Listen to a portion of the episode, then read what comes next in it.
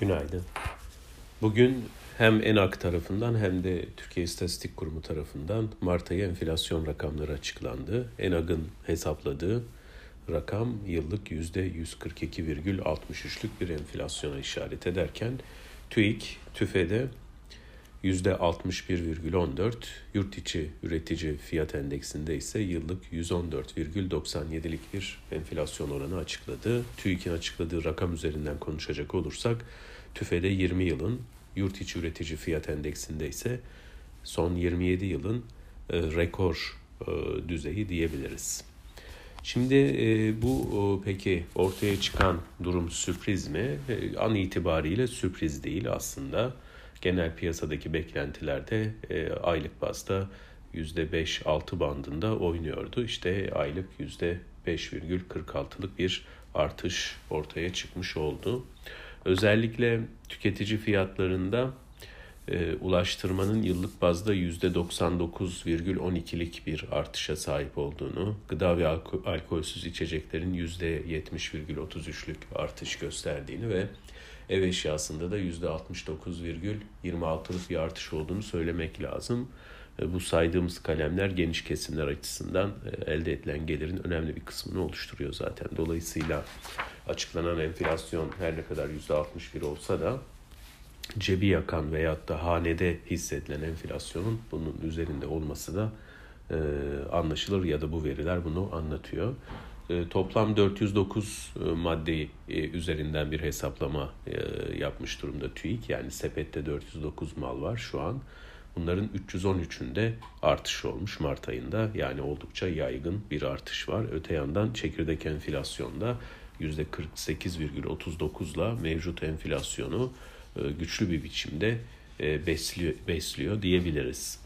Esas özellikle son bir yıl içerisinde çok ivmeli bir artış gösteren kısım ise yurt içi üretici fiyat endeksi geldiği rakam 114,97 yıllık bazda işte son 27 yılın en yüksek enflasyon oranı diyebiliriz. Yani Türkiye'nin sürekli konuştuğumuz 70'lerin ortasından 90'ların ortasına kadar geçen süreçteki yaşadığı enflasyona çok yakın, oraya yakınsamış, oralara değmiş bir enflasyon karşımıza çıkıyor.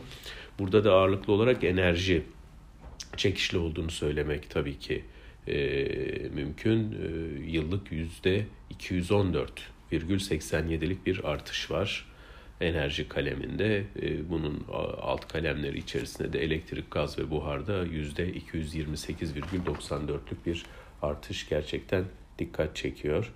E, dolayısıyla e, enerji çekişli bir e, yurt içi üretici fiyat e, artışı yani maliyet artışı olduğunu söyleyebiliriz.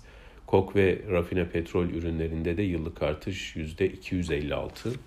Bu tabi gelecek döneme ilişkin sadece Türkiye değil aslında Avrupa için de baktığımızda Rusya-Ukrayna savaşının en önemli etkilerinden biri kısa dönemde muhtemelen fosil yakıtlara tekrar geri dönüş olacak.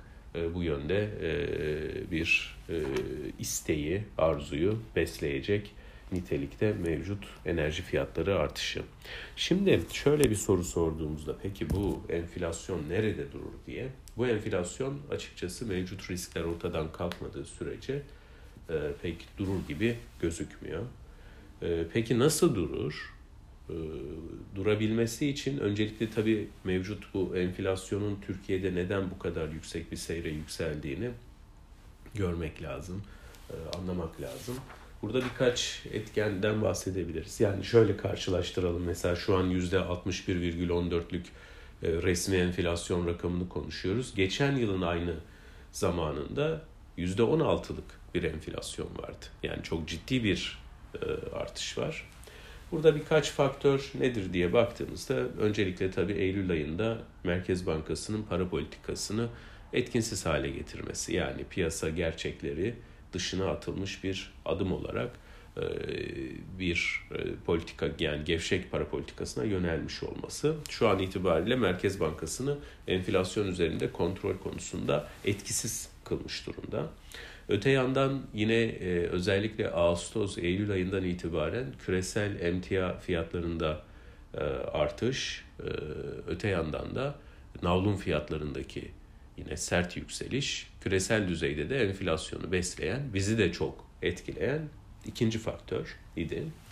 Ardından Kasım e, ayında 22 Kasım'da yaşadığımız güçlü kur şoku ve bu yaklaşık bir ay yani 20 Aralık'a kadar da birkaç atakla devam etti. En son dolar kurunun 18.30'a kadar çıktığını gördük. Bunun yarattığı kur geçişkenliği e, her ne kadar 20 Aralık'taki e, kabine toplantısı sonrasında özellikle kur korumalı mevduat uygulamasıyla geriye çekilmiş olsa da kur mevcut o artış yani bir anlamda yer etmiş oldu.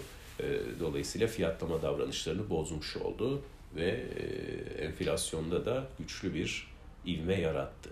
Bunu net biçimde görüyoruz Kasım ayından itibaren. E, tüketici fiyatları kısmında böylesi bir yöneliş var, artış var. Öte yandan tabii son risk ve büyük risk Rusya-Ukrayna savaşı. Bunun enerji fiyatlarında yarattığı artış etkisi.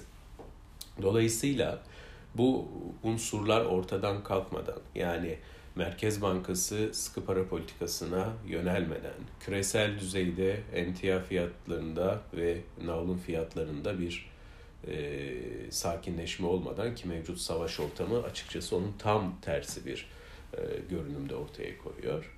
E, öte yandan e, Türkiye'nin kur karşısındaki kırılganlıkları azalmadan ve tabii ki en önemli risk olan şu an enerji fiyatlarında Rusya ile Ukrayna arasında bir barış ortamı ortaya çıkmadan kalıcı olarak enflasyonda düşüş mümkün değil. Öte yandan enflasyonun düşürülmesi konusunda da güçlü bir irade konulması lazım. Yani bir çıpa gerekiyor. Bir şekilde e, üreticilerin, e, yine e, ticaretle uğraşanların veyahut da işte evini kiraya verenin gelecekte fiyatların artmayacağı yönünde bir beklentisinin oluşması ve bunun e, bir güven ortamıyla beslenmesi gerekiyor. Burada da gerçekten e, güçlü bir sıkı para politikası yanında maliye politikasında da şeffaf hesap verilebilir. Öte yandan sıkı bir duruşun sergilenmesi gerekiyor. Bunların olmadığı durumda bu %60'lık enflasyonu bile biz belki de bir yıl sonrasında mumla arıyor olabiliriz. İyi günler.